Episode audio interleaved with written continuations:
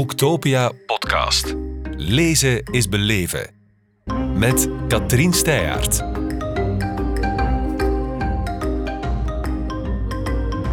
Welkom, Stefan Bonen. Goedemiddag, hoi. Je bent hier met verschillende boeken.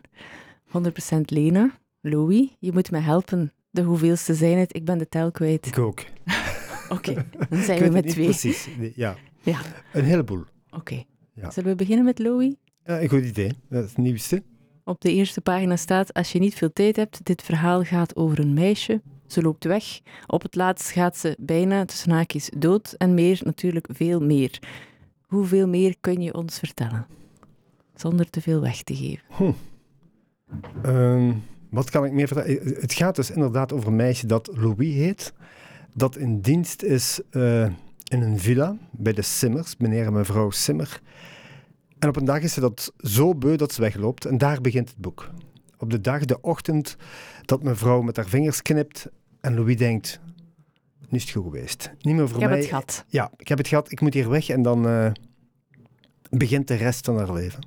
Maar het is natuurlijk veel moeilijker om opnieuw te beginnen als je helemaal niks hebt. Ja, want wat voor iemand is Louis? Ja, Louis is eigenlijk net als haar moeder en haar grootmoeder eh, in dienst van die mensen. Eh, haar vader kent ze niet, ze heeft geen familie.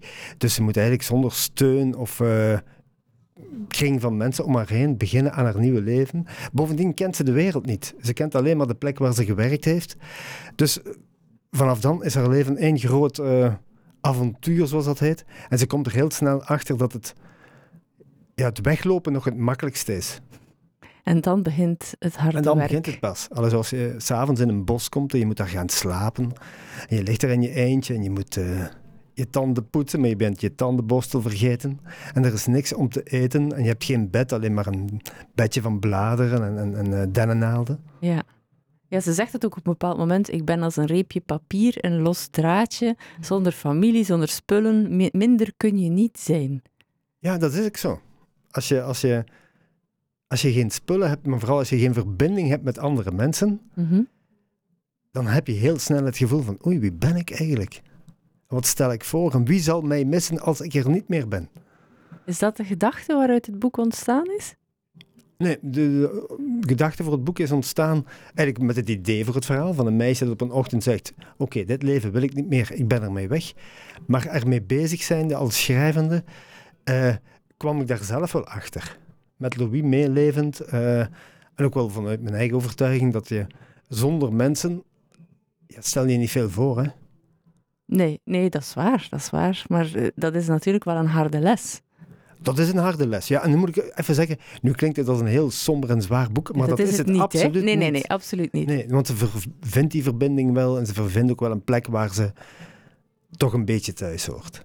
Ja, tuurlijk, uiteraard. Het, het- er zit ook humor in. Het is, Ja. het is eh, doorspekt met licht. En het is Ja. zeker geen duister verhaal waar een heel zielig... Alleen op de wereldachtig gevoel heb ik Nee, er nee, nooit dat- van nee, nee. gekregen. Nee, ja, nou, voilà. Ja, nou, dat is echt niet de bedoeling. Het is een, denk ik, een optimistisch verhaal. Al bij al. Maar het begint gewoon wat moeilijk. Maar ja, zo kan het in het leven ook zijn natuurlijk. Ja, ja, tuurlijk. En zo is het vaak in het leven. Maar het klinkt zo'n beetje als een soort oerverhaal. Meisje groeit op bij een familie en wil daar dan weg. Had je zin om met dat oergegeven dan zoiets eigen te doen? Hoe maak je dat dan van jezelf? Goh, door heel veel te schrijven en te schrappen. Mhm. Want dit verhaal is alle kanten opgegaan. Eh, ik wist dat ik iets goeds vast had, maar ik heb echt heel lang gezocht naar de juiste toon, naar de juiste invulling van Louis. eh, want ik, het moeilijkste voor mij als schrijver was om haar optimistisch te laten blijven. Waarom was dat moeilijk? Ja, omdat door de, door de omstandigheden had ik soms de neiging als schrijver om, om het donker te laten worden. Dat ik dacht, oh, garme meisje, dat moet niet makkelijk zijn voor jou allemaal. En dat ik bijna donkerder, somberder ging schrijven. En dan dacht ik, ah nee, maar ze is juist sterk, ze is krachtig. Zo. Ze heeft geen moeder, maar ze is daar niet heel verdrietig door. Haar moeder, haar verdwenen moeder, dat is voor haar bijvoorbeeld een, een, een soort kracht, een soort bron waar ze hoop uitput. Ja, is dat ook wat je wil laten zien aan lezers? Waarom je dat optimistische zo belangrijk vindt? Ja, dat wil ik zeker in het boek stoppen. Dat, dat als er een zo, soort van geloof is op den duur in jezelf en van daaruit ook naar andere mensen toe, dat het wel een heel bepalende kracht kan zijn in je leven. Mhm. Dus dat wil ik echt wel meegeven van, van dat het opnieuw beginnen, jezelf opnieuw uitvinden of ontdekken, dat dat alleen maar kan samen met andere mensen. En dat is iets positiefs uiteindelijk. En dat je, het kan er in het begin uitzichtloos en donker uitzien, maar je vindt wel een weg. In het geval van Louis wel, ja. Ik kan ja, niet je zeggen kunt dat niet iedereen- veralgemenen natuurlijk, Nee, nee, hè, nee, maar nee, eh, nee. Voor, maar voor Louis is dat wel waar. En de grote kracht voor haar is dat er op een duur een aantal mensen zijn met wie ze verbinding ligt. Ja. Op een grappige manier, moet ik zeggen. Zo, of op een warme manier, maar niet allemaal. Het is geen somber boek. eh, komen die grappige dingen je dan aangewaaid? Ja, ja, eh, ja als schrijvend denk ik, ah, dat zou, dat zou leuk zijn. En ik hou ook van personages die humor in zich hebben. Ja. En die, die een zekere kracht en vrolijkheid in zich dragen, waarmee ze ook eh, door mijn boeken lopen. Ja, ja, dat is, maar dat lijkt me soms heel moeilijk om dat juist te treffen. Ja, dat is hetgeen wat ik daar juist zei, hè? Zo de, de, de juiste toon vinden Ja. van je boek. Mhm. Het mag niet kolder om de kolder worden. En het mag niet donker worden. Zo die juiste balans. Ik geloof heel sterk dat licht alleen maar werkt als er donker is en andersom. Mhm. Dat je alleen maar over, over grote eenzaamheid kan babbelen als je daarna ook kan babbelen over sterke verbondenheid. Ja, ja, ja. Het ligt, ja, yin en yang. Het een kan ook Ja, niet ja, zonder ja, het ja. andere. Ja, en dat is ook, even, dat is ook iets schrijftechnisch natuurlijk. Eh, Dat, dat werkt gewoon goed. En heb je het gevoel dat je daarin altijd maar groeit? Na al die ettelijke boeken? Mm, ja. Wat Enfin, over ik heb jezelf alleszins- zeggen. Ja, dat is moeilijk om te zeggen. Ik, ik ben alleszins wel heel tevreden over Louis. Ja, ja, er zijn ook mensen die schrijven dat het het beste is van het beste is wat je al geschreven Ja, hebt. ja, ja. En dat, dat, dat vind ik heel moeilijk om te zeggen, maar ik ben als schrijver alleszins heel tevreden. Ja, het zijn allemaal je kinderen natuurlijk. Je gaat daar niet tussen kiezen, maar Ja, je kunt wel voor jezelf voelen of je hier iets ge- aangeraakt hebt. Het is toch een van de kinderen die ik liever zie. Het is een van de favorietjes. Ja, dat mag, hè. Ja. Ja. Is het ook daarom dat er een motto in staat van een van je favoriete schrijvers of alleszins boeken? Sneeuwganzen. Ja, dat is... eh, ja, het is eigenlijk de, de, de eerste zin uit dat boek van Sneeuwganzen. Eh, We staan scheef, daar begint het allemaal ja, mee. en dat heeft te maken met, met eh, wat vogels doen, die migreren in, in de lente of in de herfst. En die drang, die innerlijke drang naar een beter leven, dat zit ook in Louis. Dus dat paste perfect. Dat paste helemaal. En waarom is dat zowat het enige boek dat je ooit hebt herlezen? Je hebt me dat ooit verteld. Ja. Ja, ja, ja, dat weet ik niet. dat weet ik niet waarom dat zo is. Anders gesteld, Omdat ik- waarom moeten mensen het lezen? Waarom is het zo'n Ah, bijzonder boek? De Sneeuwganzen. Even een Goh. zijsprongetje. Oh, m- misschien vooral, het is een fascinerend verhaal, maar het is wonderbaarlijk mooi geschreven. Dat is reden genoeg. Ja, hè? ja vind ik ook. Ja. En heb je, heb je het gevoel ehm, dat je je meet met dat soort mensen? Meten. Sorry. Goh, meten niet, maar die, die dagen mij wel uit. Mhm. Zo wat, wat die mens heel mooi doet, is eh, heel mooi, maar ook heel toegankelijk schrijven. Mhm. Dat vind ik wel belangrijk. Dat is misschien van het moeilijkste wat er is. Ja, hersenoperaties zijn ook heel moeilijk, denk ik. Maar Ik bedoel in schrijfland. Ja, in schrij- ja, ja, ja. Zodat je, dat de taal mooi is, maar dat de taal niet het verhaal in de weg staat. Dat het niet ik- gekunsteld is, maar toch van een grote schoonheid. Dat, is Ja. toch heel, dat lijkt me heel moeilijk te bereiken. Maar dat is ook, ja, en dat bereik je ook niet natuurlijk Nee. zomaar. Nee. Dat gaat toch ja, te schrappen en te herschrijven en te schrappen en te herschrijven en mensen het boek te laten lezen, eh, het scenario of het script. En die zeggen daar dan allerlei dingen over. En dan ga je dat weer herwerken en nog eens herwerken en nog eens herwerken. En elke stap die je zet erin, kom je dichter bij dat mooi en toch heel toegankelijk schrijven. Ging het ook zo voor 100% Lena? Want ik denk dat dat een heel ander boek is. Hè? Ja, het is een ouder boek, maar waar- waarvan er nu een heruitgave is. eh, heb ik in de tijd geschreven op vraag van de werkgroep Verder, die zorgt voor mensen in wiens familie er een zelfmoord eh, is gebeurd.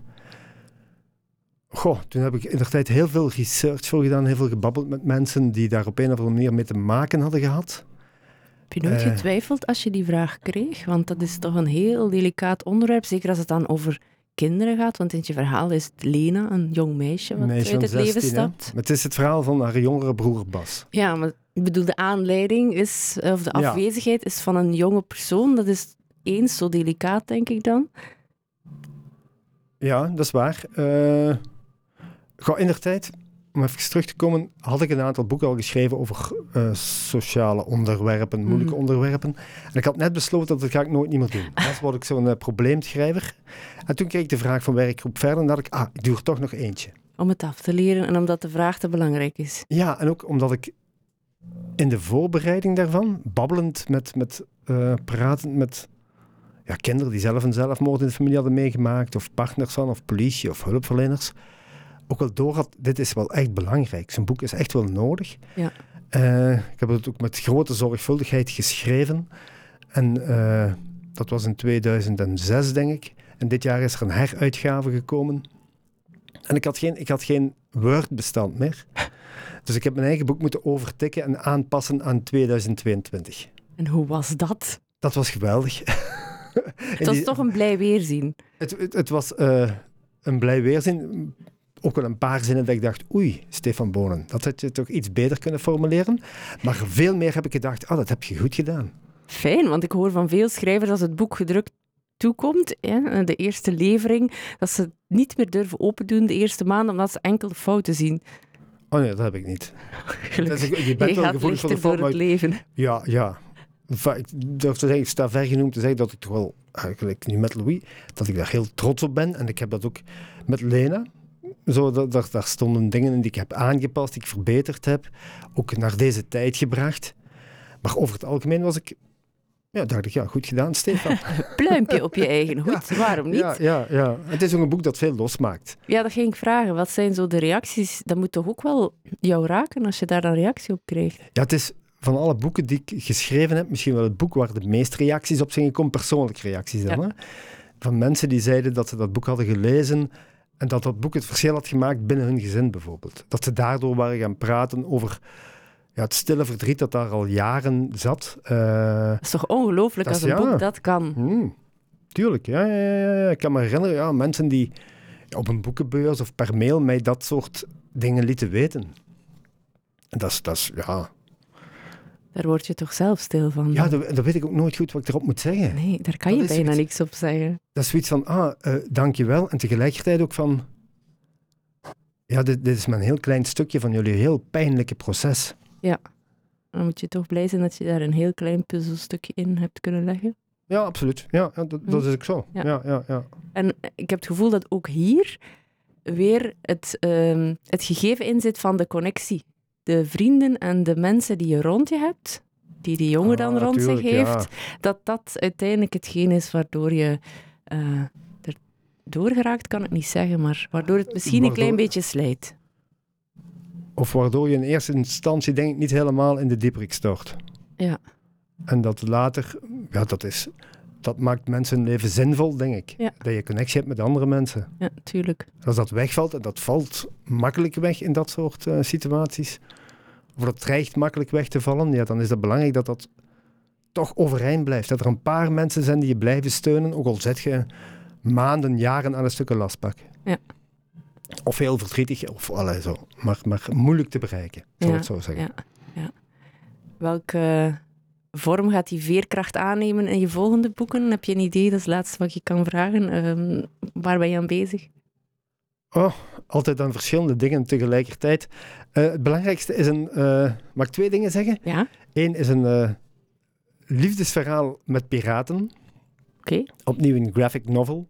Eh, van een jongen die op een dag uit zijn klas wordt geplukt door een piraat en zegt vanaf nu ben jij piraat. En dan begint er een heel verhaal. En twee ben ik, Melvin. Of, met Melvin, ja, Ja, ja, ja, ja. ja, We hebben zin om terug een graphic novel te maken. En twee ben ik ook met Melvin bezig terug aan eh Kabaal, ons kinderboekenfestival. ja, ook een eh, zeer belangrijke taak. Ook een zeer belangrijke taak, ja. Ja. Maar allebei zeer leuk om te doen, ook. Oké, Dus, daar kijken we alvast naar uit. Doe Melvin de groeten en heel veel succes. Ik zal dat zeker doen. Oké, okay, dankjewel. Stefan Bonen. Graag gedaan, dank je. Boektopia podcast. Lezen is beleven. Beluister ook de andere podcasts live opgenomen op Boektopia 2022. Nu via je favoriete podcast-app.